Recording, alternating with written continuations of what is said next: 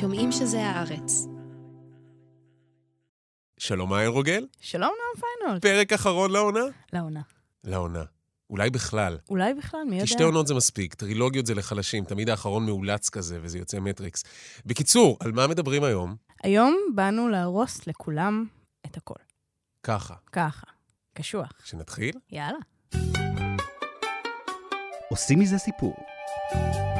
עם מעיין רוגל ונועם פיינולס.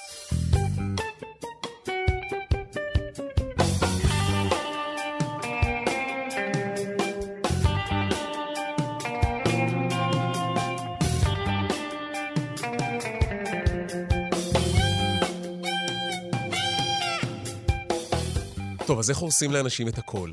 מלמדים אותם איך לעשות צפייה פורנזית. אוקיי, בואו נפרק את זה. קודם כל, צפייה פורנזית זה מונח שאני מאוד מאוד אוהב. בגדול הרעיון הוא, אני מסתכל על סרט או על סדרת טלוויזיה, על איזשהו טקסט, כמו על זירת פשע, נכון? מפרק, מנתח, שם סרט כזה צהוב, ומנסה למצוא את הרמזים הקטנים כדי להבין את הסיפור הגדול. להבין מה קרה כאן. ובמובן הזה זה קצת להרוס, כי נדמה לי שגם את וגם אני, כשלימדנו קולנוע בכל מיני מקומות, חווינו את החוויה הזו שבסוף הסמסטר באים אלייך ואומרים לך, מה?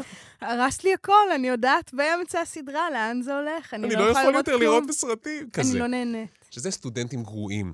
נכון. כי הטובים באמת אומרים, או, פתאום נפתח הראש. אומר, עכשיו אני בעצם הבנתי. רואה איך המנגנון עובד, ואיך הקסם הזה מתרחש בעצם מול העיניים, ובמובן הזה זה באמת קצת כמו קסם קולנוע, נכון? זה, זה כמו קסם, אבל לא הארי פוטר. זה כמו קסם של קוסמי במה. זה העניין הזה שכשאתה צופה מן השורה, אתה יושב בקהל ואתה רואה את הקוסם מנסר בחורה לשתיים, אתה, אתה נורא מרשים.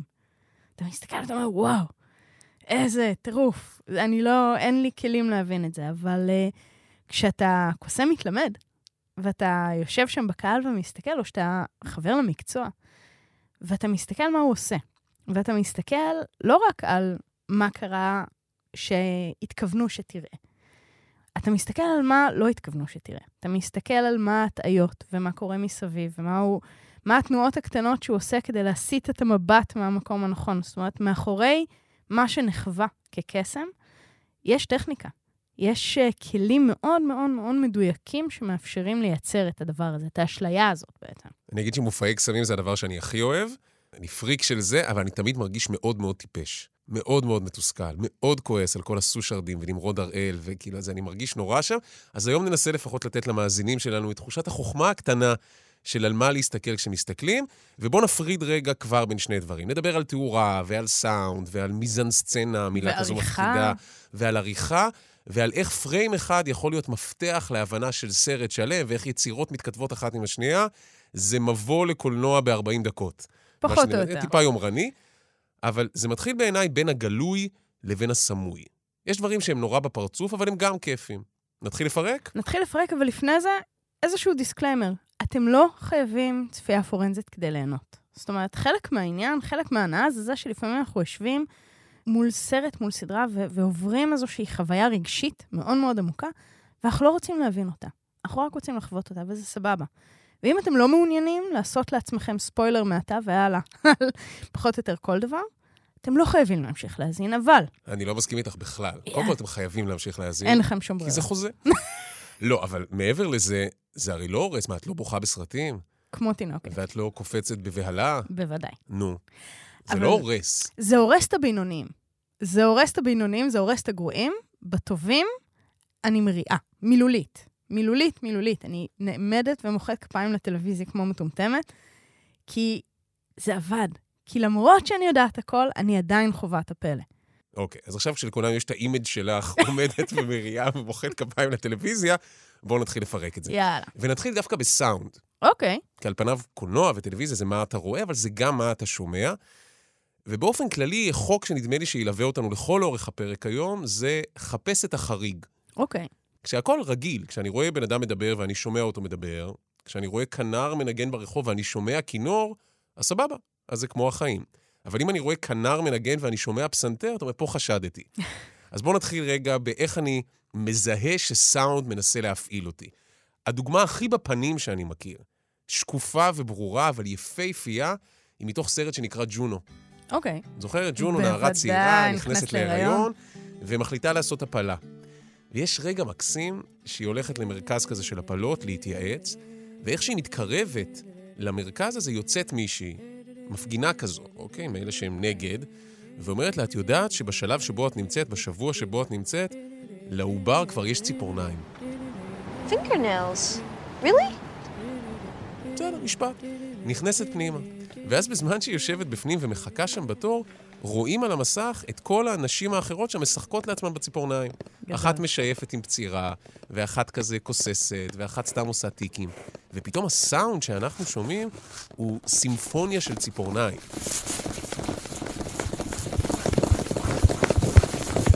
זה באמת, זה כמו מיומנה של איזה רעשים איומים. ציפורניים יכולות לעשות.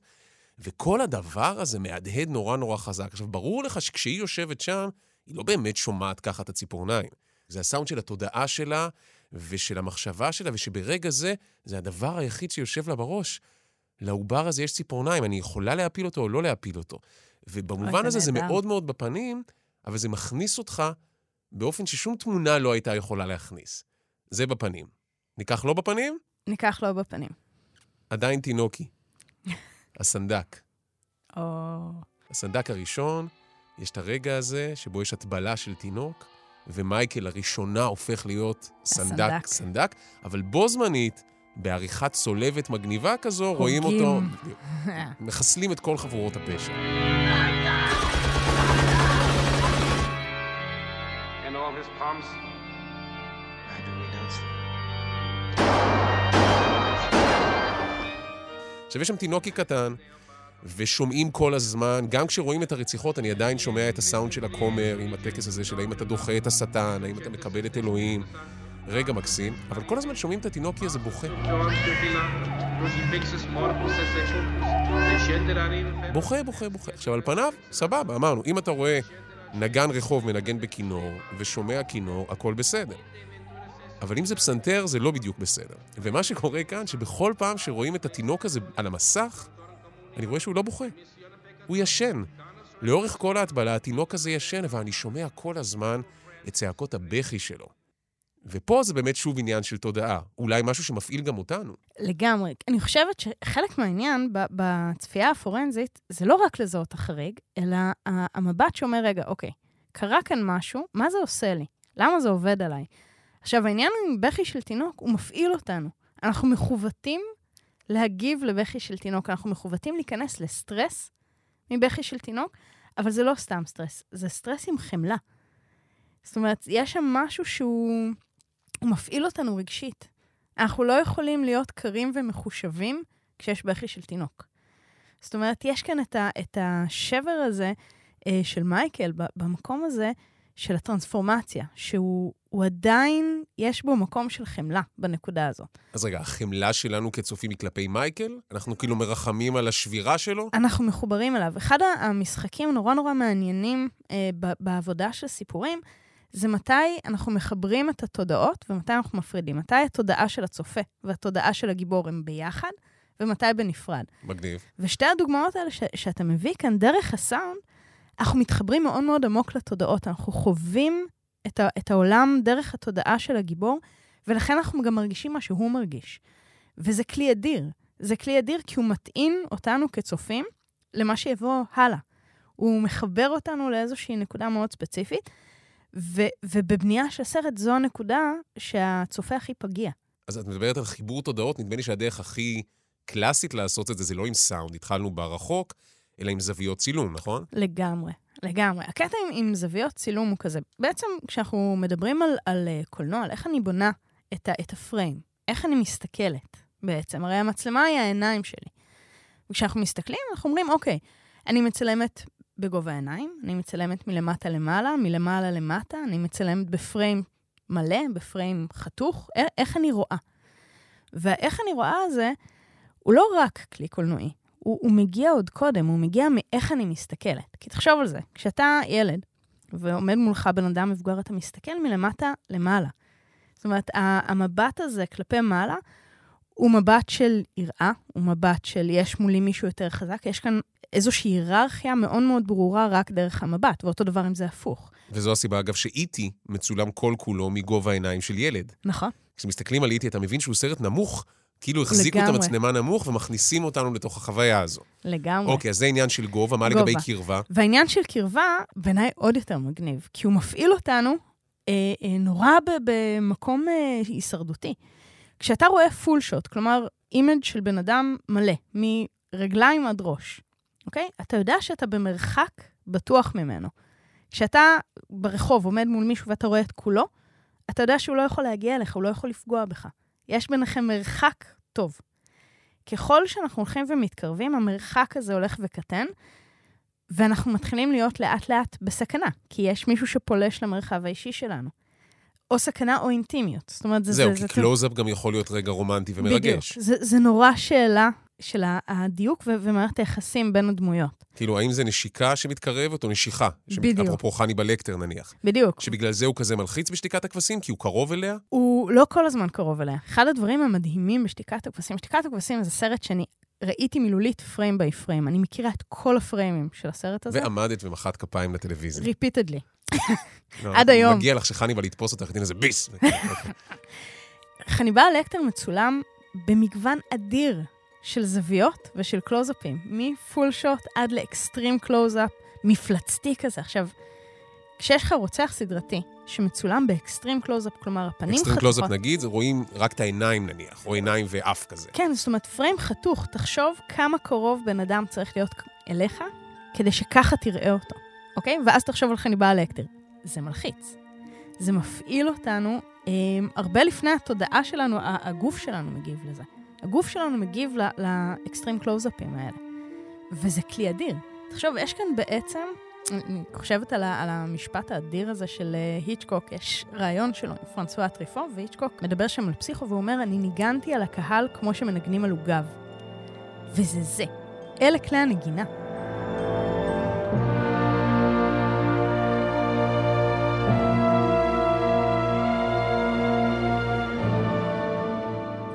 בוא נשאר רגע עם שתיקת הכבשים, יאללה. כי זה סרט נהדר שאפשר לשחק איתו המון. דיברנו על סאונד, ודיברנו על זוויות צילום. מילה קצת אה, מסובכת, אבל חייבים להזכיר אותה, מיזנסצנה.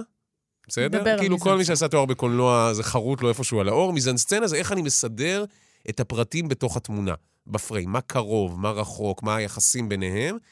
ואת טוענת שכבר בתמונה השתיים הראשונות של שתיקת הכבשים, אני יכול להבין את כל הסיפור? אתה יכול להבין את ה-DNA של הסיפור. זאת אומרת, שתיקת הכבשים מתחיל מזה שאתה רואה אותה, אה, את קלריס סטארלינג, מתאמנת, ג'ודי פוסטר? מתאמנת ביערות, רצה וקופצת בתוך אה, תוכנית ההכשרה של, אה, של ה-FBI, ואז מישהו מגיע, כל זה דרך, יחד עם כותרות הפתיחה, ומישהו מגיע ואומר לה שקרופורד, המפקד, רוצה לפגוש אותה, והיא הולכת אליו. והיא הולכת, והיא כל הזמן מנוגדת לכיוון התנועה של כולם. והיא בעצם חוצה שם את המסדרונות וחללים וחדרים. רגע, שנייה. ופה את אומרת, בתוך הצפייה הפורנזית, אם כולם הולכים לכיוון אחד והיא הולכת לכיוון השני, מה? כבר אני יודעת מה שאתה אמרת, לחפש את החריג. היא החריגה. זאת אומרת, כבר היא מסומנת לי כאחרת. אוקיי. ואז אנחנו, היא, היא מגיעה למעלית, והמעלית נפתחת. אה, היא לבושה כחול, ויש שם אה, קבוצה של גברים גבוהים, לבושים בכתום, אם לא טועה, והיא נכנסת, והיא נמוכה מהם באיזה שלושה ראשים, ומסתכלת עליהם ככה למעלה, ולאט לאט אנחנו רואים את הדלתות נסגרות, ו- ובעצם אוטמות אותה ומשאירות אותנו בחוץ. אנחנו לא, לא שם בפנים איתה. עכשיו, בעצם יש כאן את, ה- את ה-DNA של הסרט. ה-DNA שבא ואומר, זה בכלל לא סיפור על רוצח סדרתי. זה סיפור על אישה בעולם של גברים. זה סיפור על נשיות, זה סיפור על שונות, על שייכות, על מקום, על ילדה. זאת אומרת, כל הדבר הזה שאחר כך חניבה לקטר כל הזמן לוחץ עליו, איך היא כילדה, והחוויה שלה כילדה, הדבר אז אני הזה בעצם נמצא כבר שם. מבין שהיא ילדה בעולם של אנשים גדולים ממנה, כי היא באמת פיצית בתוך המעלית וסגורה וכלואה ולכודה שם? בדיוק, והיא עדיין ילדה. זאת אומרת, בתוך כל העולם הזה מתייחסים אליה כילדה. כי יש כאן בעצם סיפור התבגרות, וה, והמנטור שלה זה חניבה לקטר. מעניין. אז בואו ניקח דווקא לסרט ישראלי, שעושה בעיניי מהלך דומה, אבל אחר לגמרי, גט, אוקיי. של שלומי אלקבץ ורונית אלקבץ. אגב, הוא סרט נפלא. הוא באמת סרט נפלא, אחד הסרטים הישראלים הכי חזקים שראיתי, שמדבר על ויויאן, אותה אישה שרוצה גט, רוצה להשתחרר ממערכת יחסים, ושנים הוא מענה אותה הבעל, וכמעט כל הסרט מתרחש בבית המשפט. ובדקות הראשונות של הסרט, אנחנו מבינים שאנחנו רואים את זה מנקודת המבט שלה, כי הכל מצולם כזה קצת מנמוך, היא יושבת, אבל זה רק שיח של גברים. זאת אומרת, הכל מעל הראש שלה, אוקיי? רואים את העורך דין שלה, מדבר עם העורך דין שלו, ורואים את הבעל, ורואים את הרבנים בבית הדין הרבני, והיא כל הזמן מרגישה כלואה באמת. את רואה שמכל הכיוונים, לאן שהמצלמה לא הולכת, היא כלואה שם. אני מבין שהיא נמוכה, אני עוד יותר מבין שהיא נמוכה, כשבפעם הראשונה שאני רואה אותה, מסתכל עליה בעצם עורך הדין, אבל הוא מסתכל עליה מלמעלה, אז היא גם קטנה שם. אבל הדבר הכי יפה, את רואה, אפרופו סידור פרטים בפריים וזוויות צילום, איך הרבנים מצולמים. כשעורך הדין מדבר, יש איזה גובה מסוים שלהם. אבל כשהיא מסתכלת עליהם, הם כל כך גבוהים. גדול. יש חומה של גברים שלא ייתנו לה להשתחרר מהכלא הזה. וכל הסרט הוא על איך בסוף היא תפרוץ את הדבר הזה, שזה לא קל, ויש שם מאבק מאוד מאוד קשה על האם היא תצליח בכלל או לא תצליח לפרוץ את החומה, והיא בעצם מוקפת על ידי זוויות הצילום והרבנים הגבוהים. ויש רגע אחד מקסים, שאתה מרגיש שמשהו מתחיל להשתנות, כשפתאום היא מפזרת את השיער. או, אני אוהבת והנה אתה מבין השיער. שלפעמים בקולנוע, אני יודע שיש לך פטיש לשיער בקולנוע, בסדר גמור. לגיטימי. לפעמים רגע אחד של מה בן אדם לובש, או מה היא עושה עם הקוקו, מספר לנו על התחלה של שינוי, התחלה של טרנספורמציה. אז גם כאלה את מחפשת? נשים שפורעות שיער? כל זה. נשים שפורעות שיער זה אחד הדברים הכי מגניבים, זה איזשהו קוד ש, שנטמע לתוך הקולנוע והטלוויזיה שלנו. Um, אני לא, לא חושבת שזה נכון ב-everyday life. אני לא חושבת שמחוץ לקולנוע ככה דברים עובדים, אבל זה, זה ממש מנגנון מאוד מאוד קבוע. אישה עם שיער אסוף היא אסופה. זאת אומרת, ממש, היא, היא תחזיק את עצמה, היא פחות תפגין רגשות, היא הרבה פעמים תהיה במוד ביזנס, אה, או שהיא תהיה עצורה רגשית, זאת אומרת, זה יכול ללכת לשני הכיוונים. וכשהיא פורעת השיער, היא משחררת. היא עכשיו יכולה לעשות דברים שקודם, היא יוצאת מהגבולות מה, אה, וההגדרות של החברה, והיא יכולה לעשות משהו יותר. זאת אומרת, כשאנחנו רואים דמות שעוברת ממצב של שיער אסוף לשיער אה, פזור, או להפך, או לקרחת, אם זה ג'יי ג'ן. אם זה ג'יי ג'ן, אנחנו רואים כאן אה, רגע של, של שינוי מהותי פנימי. עכשיו, הוא לא מגיע דרך הארט הגדול, זאת אומרת, זו פעולה יומיומית. כאילו, אנחנו, אני לא רואה שינוי באיפור או שינוי בתלבושת. זאת אומרת, זה לא גס כמו לשים סאונד של ציפורניים כדי להגיד כן, לנו, שימו עדין. לב, היא חושבת על ציפורניים. זה כאילו casual. כן, עכשיו, זה למשל אחת הדרכים, כשאני רואה אה, אה, סדרה, בדרך כלל יש שלוש דקות, שבה אני מכריעה אם אני ממשיכה לראות אותה או לא. והשלוש דקות האלה הולכות ככה. בשלוש דקות האלה אני בודקת בעצם... מה התסרוקת שלה? מה התסרוקת? לא. אני בודקת מה אני מבינה לבד ומה אומרים לי, אוקיי? זאת אומרת, אם בשלוש דקות הראשונות יש לי אישה שאומרת, הרבנים האלה נראים לי גדולים ומפחידים, גמרנו, מיציתי, הלכתי, אני לא הולכת לבזבז זמן על השיט הזה. אבל אם אני אומרת, אוי, היא מסתכלת עליהם מלמטה, וזה פריים לא פרופורציונלי. כן. לא הגיוני, כאילו לא הגיוני לצלם את זה ככה, זה קולנוע בדיוק. גרוע. עד שאתה מבין שהוא קולנוע מבריק. מבריק. זאת אומרת, ברגע שהפרשנות היא שלי ולא נאמרת על ידי דמויות, אני מבינה שיש על מה לדבר, וככל שיש לי יותר שאלות, ככל שאני, ש, שאני יותר בתהייה של, רגע, מה זה היה? לאן זה הולך? למה הם שם? אני בפנים. עכשיו, כל הדברים האלה שאנחנו מדברים עליהם, שים לב שלא דיברנו על שום דבר שדמות אומרת. אין כאן שום דבר שנאמר, זה לא voice over, זה לא פרשנות, אלה חוויות רגשיות. ואני חושבת שזה הקסם הכי גדול של, של הצפייה הפורנזית. זה הרגע הזה שאתה מבין שהחוויה הרגשית שלך מוכתבת לחלוטין על ידי מה שקורה על, על המסך ומה שקורה אצלך, ומערכת היחסים הזאת. והדבר המגניב בעיניי הוא שברגע שאתה מבין שיש קצת חוקיות, נניח אפילו פיזור השיער, זה יגרום לך להסתכל אחרת על היצירה הבאה. נניח, משימה לצופינו, כן? אני, אין לי את זה בראש, אבל אני בטוח שבסיפורה של שפחה, כל השיפטים הם דרך שיער. או לפחות גם דרך שיער. שיער והכיסוי. אסוף, וכיסוי הראש, וברגעים האלה שג'ון משתוללת והופכת להיות מפלצת הנקמה הזו, בוודאות שיער פזור. אנחנו יודעים שבפלשבקים של החיים לפני גיליאד, לפני שהעולם הפך להיות עולם אה, גברי שמתעלל בנשים, היא הייתה עם שיער פזור. זה נכון. לגמרי באמת הסימונים האלה. בואו ניקח את זה עד רמת הפריים, כמו שאת אומרת. יאללה. בסדר? כי יש התרחשויות על המסך, ויש זוויות צילום, ויש סאונד, לפעמים פריים אחד הוא מפתח, ואת יודעת מה, בוא נלך שוב על שתיקת הכבשים. זה יהיה המנוע שלנו להכל. כי לפני יומיים, כשדיברנו לקראת ההקלטות, פשוט העפת לי את המוח. אמרתי, תסתכל על השנייה הזו. אז אנא, קחי את מאזיננו לשנייה הזו. אז ככה, השנייה הזו אה, היא לקראת סוף הסרט. אה, בשלב הזה חניבאל לקטר נתפס, כי הוא, הוא, בעצם נלקח אה, לשלב חדש של, אה, של חקירה, הוא נמצא בתוך כלוב, בתוך חלל מאוד מאוד גדול, כי יש לו נטייה לאכול אנשים, והוא מסוכן ומפחיד. אה, אסור לתת לו כלום, אסור לגעת בו, אסור להתקרב אליו. הכלוב הוא אשכרה כלוב מוזהב, הוא מואר גם, כמו היכל קודש באיזשהו מקום, והוא יושב שם חשוף לגמרי, וקלריס סטארלינג בשלב הזה כבר שלו. זאת אומרת, הקשר ביניהם הוא קשר כבר מאוד מאוד מאוד עמוק. והיא מגיעה לשם, והוא ביקש ממנה אה, תיקייה עם הציורים שלו. והיא באה והיא נותנת לו את זה. ו- וכשהיא נותנת לו את זה, יש רגע קטן שהאצבעות שלהם נוגעות, האצבע המורה שלו באצבע המורה שלה. זה מואר בגוונים אה, אה, כתמתמים אה, וצהובים, וזה מצולם ב extreme close-up רק של האצבעות, וזה רגע הבריאה של הקפלה הסיסטינית אחד לאחד. זאת אומרת, המגע הזה של אצבע אלוהים באצבע של אדם הראשון, אותו מגע.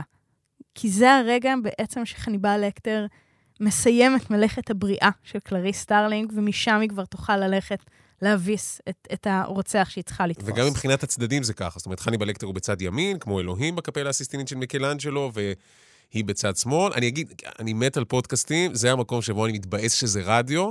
אבל תחפשו, תחפשו את זה. חפשו בגוגל, Silence of the Lamb, מיקלאנג'לו, ולא, זה רואים את זה בשנייה. יש כאילו פריימים כן. בגוגל שאתה יכול לראות את זה. זה מהמם.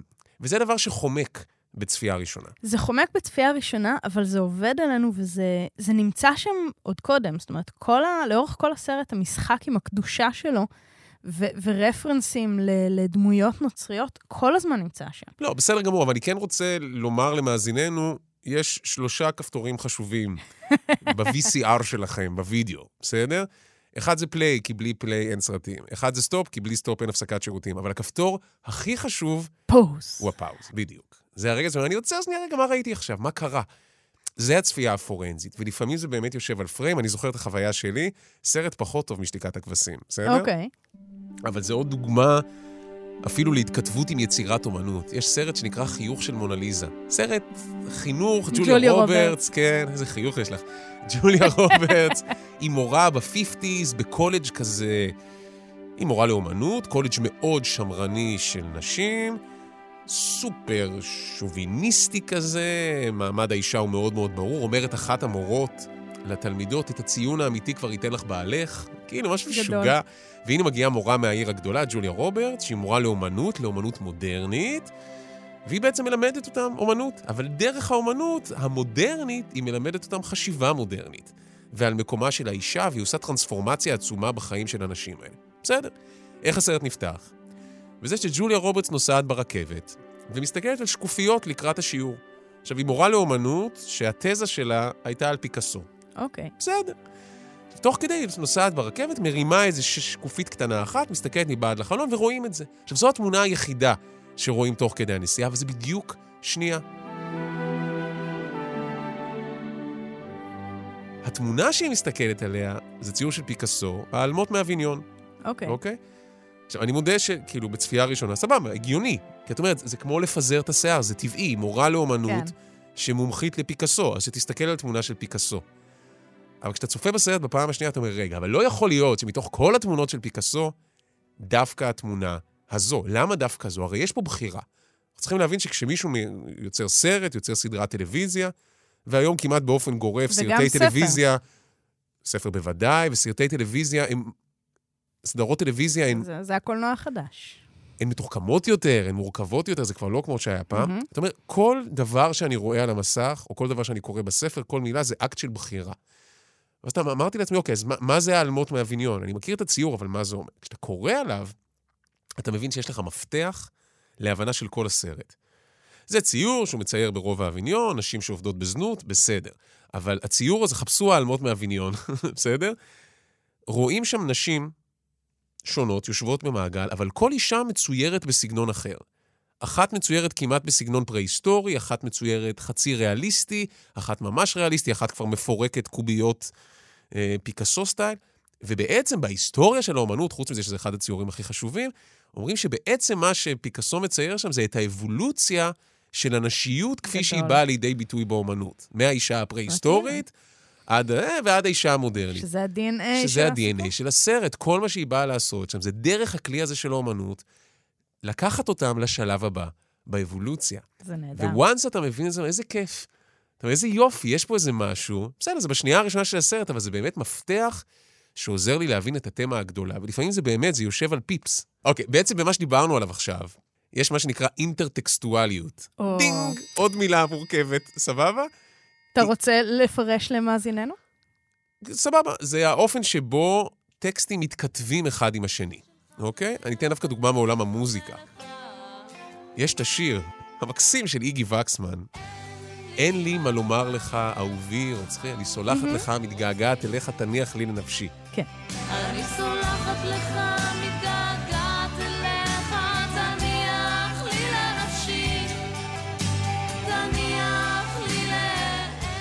שזה שיר בסדר. אתה מבין שהוא חכם כשאתה מתחיל לחשוב על famous blue raincoat של ליאונרד כהן. And what can I tell you, my brother, my killer? שהוא אומר, and what can I tell you, my brother, my killer, what can I possibly say, I guess, כאילו, הוא אומר, זה, זה אותו טקסט, רק שפה היא אומרת אהובי, והוא אומר, my brother, אוקיי? גדול. עכשיו, הוא, בראדר קילר, מתכתב עם טקסט אחר בכלל, שזה קין, זה, זה קין והבל. אבל היא, איגי וקסמן, תודה או לא, סוגרת את הצלע הנוספת הנשית. במשולש האוהבים הזה. יש את האישה, יש את כן. הבעל ויש את הגבר החיצוני. ג'יין.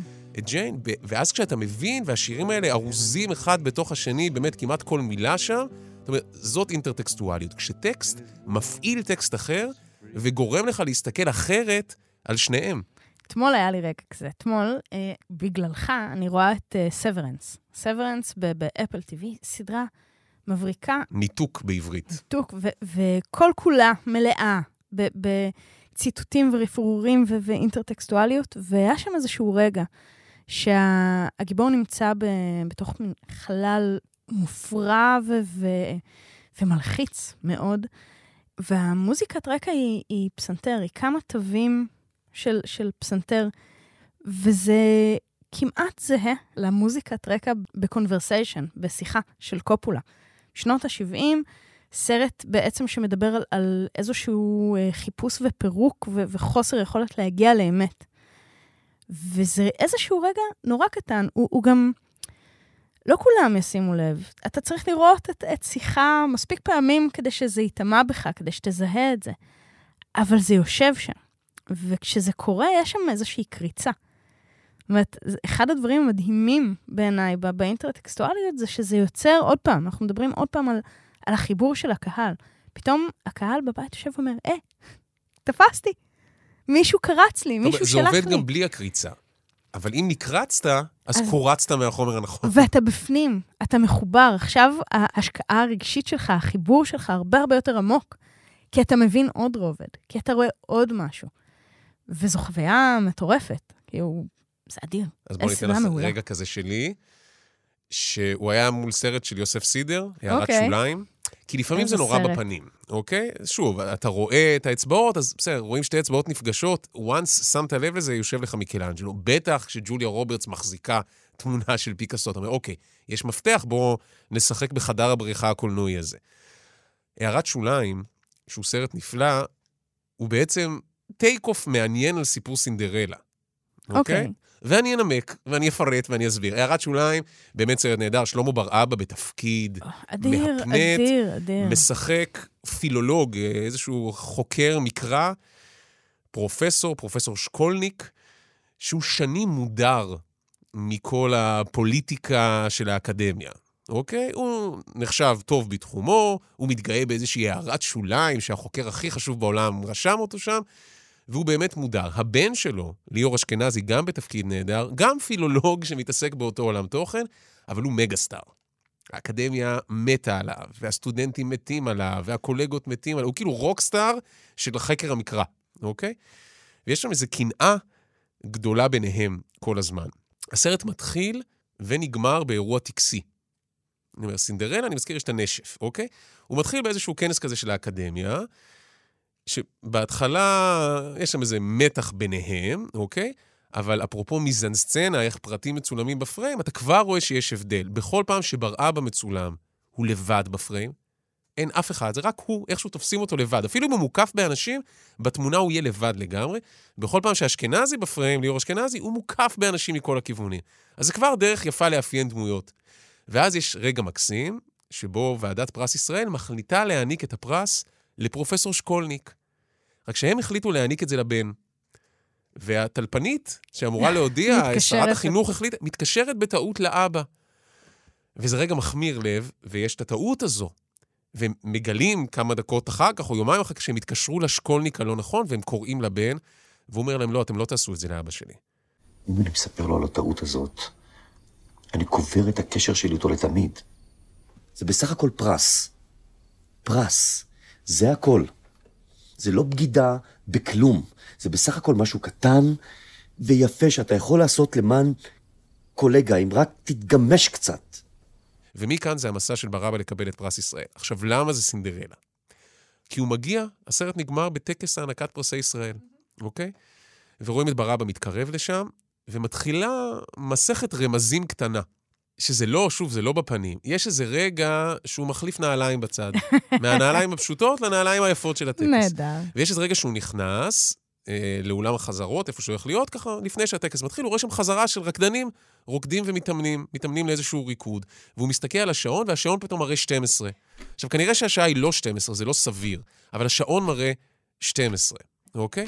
וכשאתה לוקח החלפת נעליים, פלוס רקדנים, נשף ריקודים, פלוס 12, אין שם. מנוס אלא.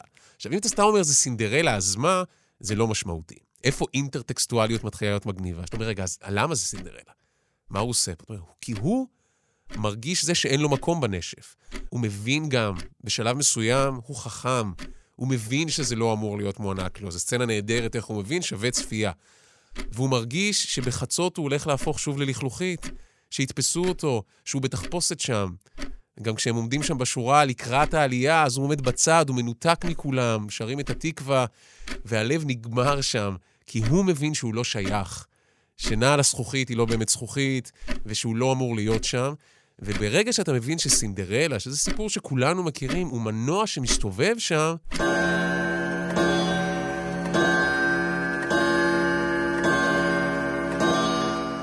כל הסרט מקבל עוד עוצמה. הוא, הוא עוצמתי ונפלא גם ככה, אבל הוא מעלה מ-10 ל-11, כמו במגבירים בספיינל טאפ. והנה חיברת את ספיינל טאפ פנימה. אמרתי, היו לנו שתי עונות, לא אמרנו ספיינל טאפ, ומצאנו מ-10 הנה. ל-11. העניין של הצפייה הפורנזית, אמרנו שאנחנו הורסים, אבל אנחנו לא הורסים. אני חושבת ש, שההנאה של שנינו מ, מסרטים ומספרים, מסדרות, זה משהו ש, שאי אפשר לפספס ב, בשתי עונות האלה שלנו. והיא הנאה שתמיד עוברת דרך המבט הפורנזי. אני לא חושבת, אני לא יודעת מה איתך, אני לא יכולה לכבות את זה. אני רואה את זה כל הזמן. אני רואה את זה אה, בכל פורמט, בכל סוג, בכל ז'אנר, זה, זה תמיד שם. זה תמיד הדרך שאני רואה דברים. וכשזה קורה, כשיש את הקליקים האלה, שאתה מסתכל ו- ומזהה את הגדולה של האומנות, זה מעיף את המוח, זה כל כך יפה לראות את זה. נכון, ואני אגיד שפעם זה באמת היה סוג של מיומנות שהייתה לחבר'ה שלמדו קולנוע ולימדו קולנוע. היום, בגלל פאוז, בגלל שהכל זמין בנטפליקסים, בגלל שיש רשתות חברתיות ופורומים שמדברים על, זה הפך להיות כלי שכולם משחקים איתו כל הזמן, וזה נורא כיף. אני נניח באיזושהי קבוצה בפייסבוק של אה, שובר שורות וסמוך על סול. אוקיי. אוקיי? סמוך על הוא ב- בעיצומה של העונה האחרונה המופתית, שהיא באמת נהדרת, ואחרי כל פרק אנשים כותבים שם, אבל בפריים הזה, מספר החדר היה 609. מה זה אומר שיקרה בפרק התשיעי של העונה השישית, כי רואים שם בדיוק את קים, לפעמים בונים תילי תילים על דברים שאין להם שום קשר למציאות. אבל כשזה תופס, כשיש לך כמה יתדות, פתאום אתה מבין משהו. נניח, אם בהערת שוליים הוא רק היה מחליף נעליים, לא מחזיק. החלפת נעליים, פלוס שעון שמראה על חצות, פלוס רקדנים, פלוס קונטקסט שאומר מה זה להרגיש שאתה פרוד, שאתה- שהולכים לתפוס אותך, זה הסיפור. אז הנה עוד, עוד טיפ כזה של צפייה פורנזית, שלושה. חוק השלוש, זה, חוק אה, של היצ'קוק, ש, שניסח את זה, שאם אתה רוצה שהקהל שלך ישים לב למשהו, המשהו הזה צריך להופיע שלוש פעמים. זאת אומרת, לא סתם נתת שלושה רמזים קונקרטיים. כי אם זה אחד, אז אפשר. לפספס, ואם זה שניים, זה עוד מקריות, אבל שלושה כבר מעגן את זה. ו- והנה, זאת אומרת, אם אתם יושבים ורואים סרט או סדרה ויש משהו, אל, אז מבגד דרך אה, כלי, דרך חפץ, דרך חיה, דרך דמות, שמופיעה שלוש פעמים, תדעו שמשהו קורה. זאת אומרת, זה כבר מכוון את המבט שלנו למה יקרה עם הדבר הזה. זה מכוון אותנו. יאללה, בואי ניתן עוד כמה טיפים קטנים, כי אני יודע שאת אה, אספנית של, אה, נכון? של tweaks קטנים וואי, בסרטים. לגמרי. אה, תני לנו כמה דברים ששווה לשים אליהם לב. אז דבר ראשון, שלטים, של... שלטי אקזיט. כשהם אדומים זה רע, כשהם ירוקים זה טוב. עד, עד כדי כך פשוט. כן? זה, זה אוקיי. נשמע נורא דבילי, אבל ברגע שדמות נכנסת לאיזשהו מרחב, ורואים בפריים את השלט יציאה האדום מעליה, משהו רע מאוד הולך לקרות. מישהו יצא מעולם החיים לעולם המתים.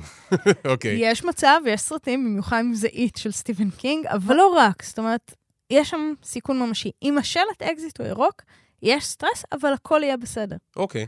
ככה. יאללה, עוד אחד. עוד אחד. דמות הולכת ביער, אוקיי? ויש שקט, ונורא יפה, ומושלג, והעצים אה, אה, מהממים, והכל כזה יפה ושקט, ופתאום מגיע במבי, חמוד כזה. עכשיו, בדרך כלל במבים בורחים, אבל לא, הוא מתקרב אליו, הוא ניגש, ויש איזשהו רגע של חיבור, אדם וחיה. זה אומר שלדמות נשארו בערך עשר שניות לפני שהיא חוטפת ירייה. טוב, עוד אחד אחרון. עוד אחד, עוד אחד אחרון. סרט בלש, אוקיי? באיזשהו שלב באמצע, אה, הבלש יעלה במדרגות לאנשהו. מישהו ירד. מי שירד הוא הרוצח. זה ידפוק לכם את כל סרטי הבלש בשלב האמצע. אין יותר שאלות. מי שירד הוא הרוצח. וואו. ככה. אני אתרום אחד שלי. יאללה. מכונית שלא מתניעה בסרט ישראלי, מצביעה על דפיקותה של המשפחה. חפשו את המכונית שלא מתניעה באיים אבודים, חפשו את המכונית שלא מתניעה במדורת השבט, ואגב, חפשו גם את המכונית שלא מתניעה במיס סנשיין הקטנה. אוי, גדול. כשהמשפחה תצא מהתקיעות שלה, המכונית תיסע. חפשו את המכונית בסוף הסרט באיים אבודים שנוסעת, חפשו את המכונית שמצליחים למכור ולהתניע במדורת השבט, חפשו את המכונית במיס סנשיין. סיפור שלם דרך מה קורה לאוטו. זה נהדר. אוקיי, עכשיו זה באמת, זה, זה, זה, אין קצה קצה. קרחון, אבל זה זמן לסכם. Now I את כל העונה הזאת. את כל מה שעברנו פה, מעיין. אה, זה, זה זמן להגיד שבאמת אנחנו מפצירים בכם, תראו סרטים וסדרות ו... ו... תקראו, תקראו, תקראו. לא, אבל זה באמת חשוב להגיד, לא, זה נשמע מטיפני, תקראו, אנא מכם.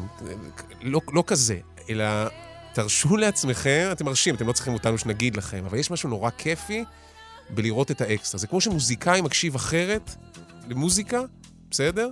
אז גם אנשים שאוהבים קולנוע ולא צריכים ללמוד קולנוע, מספיק פשוט לצפות מלן, כולנו כבר... ולא צריך להיות יוצרים גם. גם נכון, כולנו כבר, יש לנו אוריינות קולנועית, אנחנו יודעים על מה להסתכל. זה פשוט להרשות לעצמנו להבין שכל בחירה היא משמעותית ולצלול לתוך המסע הזה שהוא נורא נורא כיפי, העולם הזה של צפייה פורנזית. יאללה, נסכם שתי עונות, יאללה, נסכם שני עונות, היה כיף. סוף. יופי. יופי. נגיד תודה גדולה לדן ברומר, העורך שלנו, שבדרך כלל אומרים את זה כאילו בכזה, אה, דן ברומר עורך, אבל נסביר רגע, אנחנו מנהלים שיחה שלרוב נשארת ככה, זאת אומרת, לא, אנחנו לא מוציאים לעצמנו הרבה חלקים אחרי זה בעריכה, אבל אז דן מגיע ועושה את הקסמים הקטנים שלו, ומכניס את קטעי הסרטים. ש- וזה הזמן לעשות האזנה פורנזית לפרקים ולקלוט את כל המשחקים נכון, לפעמים יש לו הקטנים האלה. בדיחות פנימיות שלו רק עם עצמו, שרק הוא מבין, שזה ממש קטע מקסים שאדם יושב ומחייך לעצמו בזמן שהוא עורך דברים. והוא באמת, זה, זה כיף נורא. תודה, דן. תודה. כיף שיש מישהו שהוא כאילו... ב... כי כשאנחנו שומעים את זה פתאום, כשהפודקאסט מוכן, אז גם לי זה חוויה אחרת. זה אה, נורא כיף. כשאני דיברתי לא היו כינורות ברקע, זה נורא נחמד. אז כמתנה לך, אנחנו עכשיו ניקח שנייה שקט, וכאן, בש... בשלב הזה, תכניס את הסאונד שאתה הכי אוהב בעולם.